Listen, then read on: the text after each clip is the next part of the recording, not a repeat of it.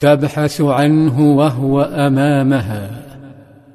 ذات يوم كان صلى الله عليه وسلم يصلي وخلفه أصحابه وخلفهم الصحابيات. ولما سلم فوجئت النساء بامرأة تنهض من بين صفوفهن تنادي نبيها تبحث عنه وهو أمامها. يا رسول الله جئت لأهب لك نفسي.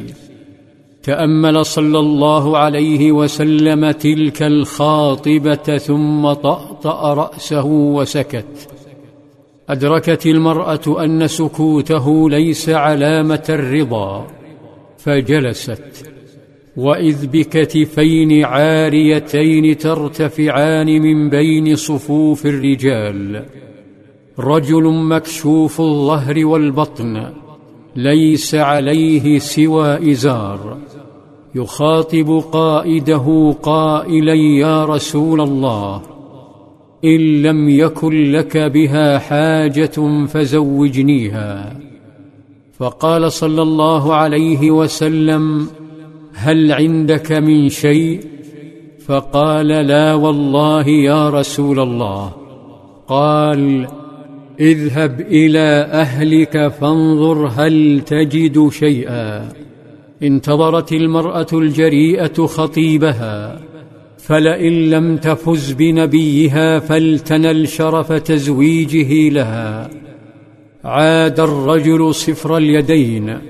فقال صلى الله عليه وسلم انظر ولو خاتما من حديد. فذهب وبحث وبحث ثم عاد كما ذهب.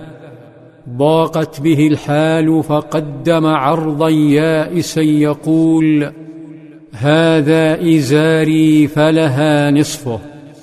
فقال صلى الله عليه وسلم ما تصنع بإزارك؟ إن لبسته لم يكن عليها منه شيء وإن لبسته لم يكن عليك شيء. انكسر قلبه فجلس مهموما بفقره حتى طال جلوسه ثم نهض وغادر المسجد. فإذا بالقائد صلى الله عليه وسلم يرق لهذا المواطن الذي لا يملك سوى قطعة قماش يلفها على خصره ويقرر تزويجه. أمر صلى الله عليه وسلم بمناداته فنهض أحدهم وناداه. ولما عاد جعل صلى الله عليه وسلم العلم والثقافة مهرا لمن لا مهر له. قال صلى الله عليه وسلم ماذا معك من القرآن؟ قال معي سورة كذا وسورة كذا وسورة كذا. قال صلى الله عليه وسلم أتقرأهن عن ظهر قلبك؟ قال نعم. قال صلى الله عليه وسلم إذهب فقد ملكتكها بما معك من القرآن.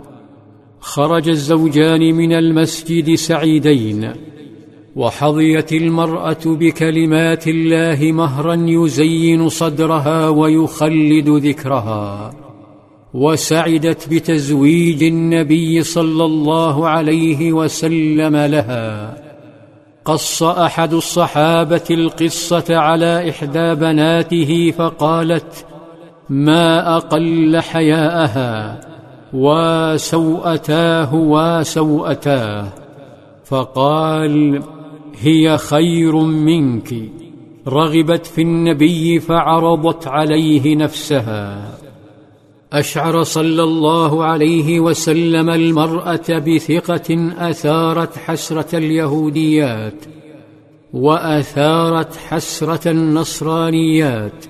اللواتي حرم عليهن كتابهن المقدس حتى مجرد السؤال في دور العبادة ولم يكتف الكتاب بذلك بل أمر بعزلها عن بقية العائلة خمسة عشر يوما من كل شهر فعلم بعض الصحابة بذلك. فجاءوا يسألون النبي صلى الله عليه وسلم عن ذلك العزل. لا سيما وهو يحب موافقة أهل الكتاب. لكنه صلى الله عليه وسلم سكت فلم يجبهم حتى نزل الوحي.